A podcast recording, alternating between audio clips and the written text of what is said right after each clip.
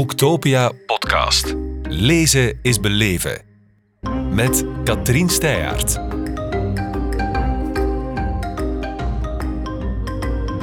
Welkom, Jeltsen Peters. Dank je. Je hebt het boek meegebracht Zelfregulerend leren. Voor we daarop ingaan, je bent uh, onderzoeker geweest aan de VUB, gespecialiseerd in dit zelfregulerend leren. Je werkt nu voor de pedagogische begeleidingsdienst van uh, GO-onderwijs. Ik lees in de inleiding van je boek dat je zelf altijd graag geleerd hebt. Ja, Is daar begonnen? Um, ja, ik denk het wel. Ja, ik had het toen zo niet door. Dat ik dat wel leuk vond om te doen, maar dat was voor mij zo, ja... Ik kon daar wel in duiken of zo. Ik vond het ook veel interessant. Ja. Maar niet dat ik er zo heel bewust wist wat ik aan het doen was. Ik wist wel wat dat werkte voor mij, maar... Het kwam op een natuurlijke manier. Ja, op een of andere manier wel. Ja. Denk je dat voor veel kinderen niet natuurlijk komt? Nee, helaas niet. nee, nee.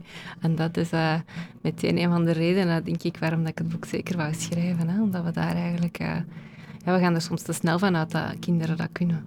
Maar het is niet zo. Iedereen wordt wel geboren met capaciteit om het te gaan kunnen, maar daarom nog niet met de vaardigheden. Dus, uh, dus we moeten daar een beetje bij helpen. Ja, liefst wel. Ja.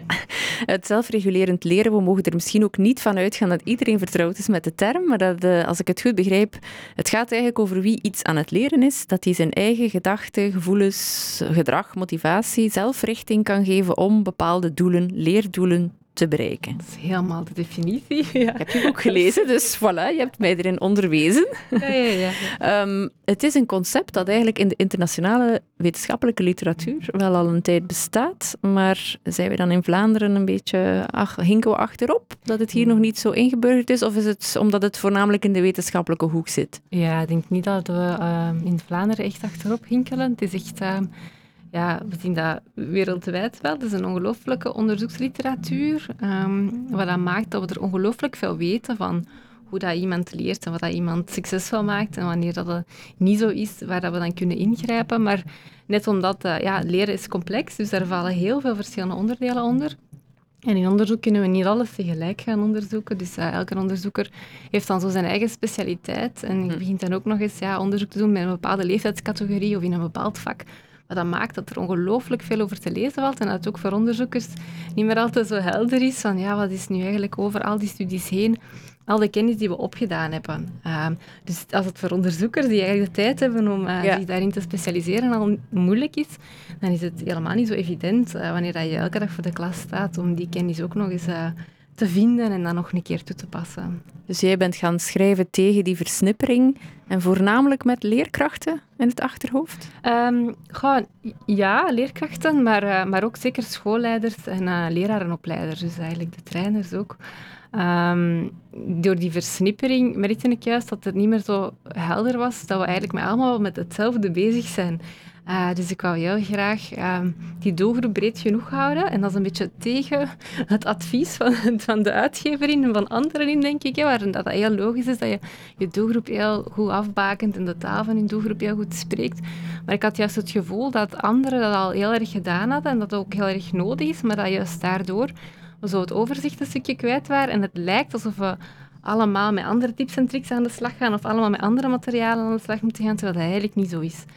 Ehm, en als ik nu merk naar wie dat er uh, naar lezingen of workshops komt, dan zijn dat juist heel uiteenlopende profielen. Dan heb je van kleuteronderwijs over lager, uh, secundair onderwijs, volwassen onderwijs, hoger onderwijs. En evengoed de leraren, schoolleiders, zorgcoördinatoren, dat is juist heel divers. En ja, van zodra dat je inzet op die gemeenschappelijke taal mhm. en die gemeenschappelijke principes, merken ze heel fel dat ze ja, elkaar heel snel kunnen helpen omdat uiteindelijk gaat het altijd wel dezelfde, ja, dezelfde vaardigheden die terugkomen. Het ziet er natuurlijk per leeftijd misschien een beetje anders uit, maar au fond gaat het over dezelfde dingen. En is het, het is een, misschien een naïeve vraag, maar is het niet iets wat, ik neem nu de leerkrachten eruit, omdat we ons dat gemakkelijk concreet ook kunnen voorstellen, zijn die daar niet sowieso mee bezig? Is het niet sowieso de taak van een leerkracht om een kind te leren om op eigen kracht zich te organiseren en zichzelf dingen aan te leren? Dat is toch een belangrijke vaardigheid in het leven? Ja, absoluut. Zijn ze daar niet al mee bezig? Ja, ja volmondig ja. En uh, dus het is, het is, denk ik niet zozeer de vraag van zijn we ermee bezig? Want dat horen we dan wel vaak. Ja, dat doen we al. Dat ja. leren, dat doen we al. En dat is ook zo. De vraag is natuurlijk uh, dat wat dat we doen, merken we daarbij dan voldoende resultaten bij leerlingen? Zien we leerlingen dan ook echt vooruitgaan in, in het leren? En kunnen we dan dat zelfregulerend leren, wat zo'n grote abstracte term is, kunnen we dat dan fijnmaziger bekijken en ook echt heel concreet maken. Oké, waar zien we ze dan in vooruit gaan en waar dan niet? Mhm. Ehm, en daar is wel heel veel winst te boeken, want dat, dan gaan we het eerder hebben over zijn we het op een kwalitatieve en een effectieve manier aan het ondersteunen. Um, versus we, we, doen het al en het dan niet concreter vastpakken. Dus heel vaak zit het nu zo bijna in het buikgevoel en, en in, in ervaring. Uh, maar als we, zeker als je daar straks aan, aan het begin uh, zei van ja, is dat aangeboren, kunnen ze dat aanleren? Dan, ja, als we naar gelijke onderwijskansen willen en alle leerlingen kans willen geven om naar maximaal kunnen te mhm. presteren, dan is het juist heel belangrijk dat we dat kunnen beargumenteren en kunnen zelf nagaan als leraar. Ik heb dit geprobeerd en bij de meeste leerlingen is dat gelukt. Maar ik weet ook waarom het misschien bij die en die en die niet gelukt is. En ik weet vooral ook wat ik nu anders kan doen. En kan je een concreet handvat eruit pikken? Een voorbeeld is natuurlijk heel moeilijk, want het is een omvattend boek om daar dan zoiets uit te pikken. Maar het kan het misschien voor de luisteraar toch concreter of bevattelijker mhm, maken? Mhm. Ja, het is een uitdagende vraag, maar ik ga ze aan.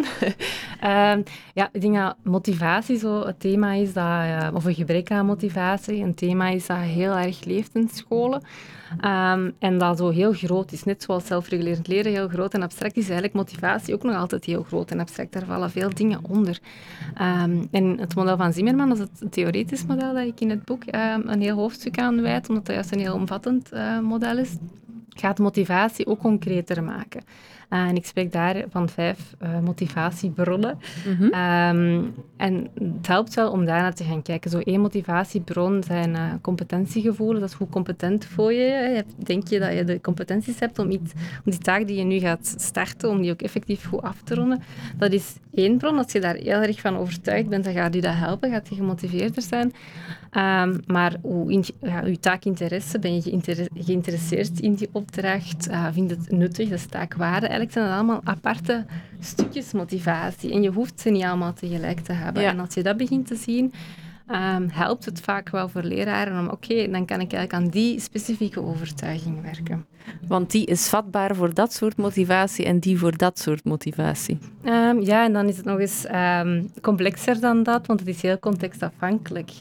Um, ja, als je voor één vak kan je gemotiveerder zijn dan voor het andere vak bijvoorbeeld. Of zelfs voor de ene opdracht binnen één vak ten opzichte van de andere. En dat is eigenlijk heel ja, de, um, de oefening, denk ik, en de, de kunst van het lerarenberoep ook, om eigenlijk um, ja, in, in die onvoorspelbaarheid van die klas en, mm -hmm. en die divers, diversiteit aan leerlingen, om dat te beginnen zien waarin het leerproces wanneer iets nodig is.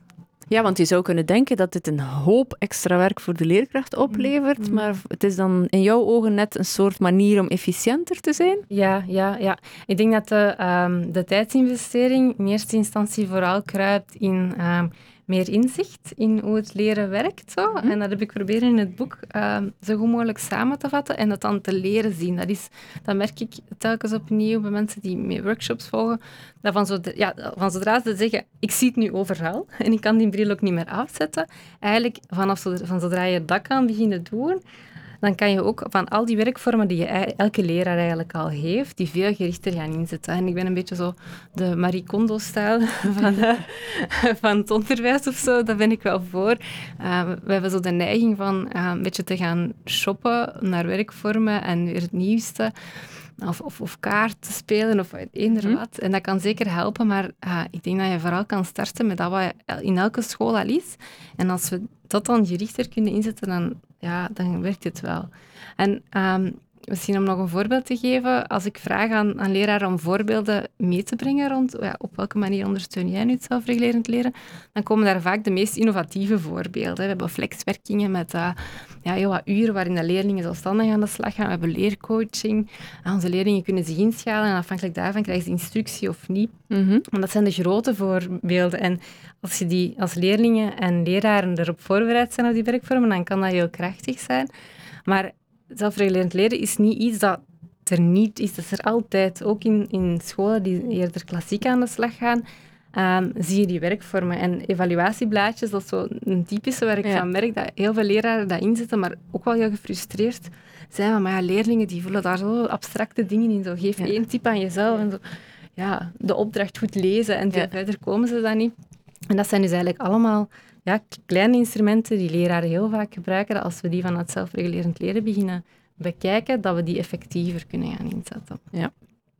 Klinkt goed, klinkt alsof er heel veel hoop besloten ligt in je boek. Dus al die leerkrachten die hier vandaag rondlopen en hun collega's daarbuiten, wens ik, je, wens ik eh, jouw boek toe. Heel erg bedankt om hier te zijn, Jeltse Peter. Veel plezier.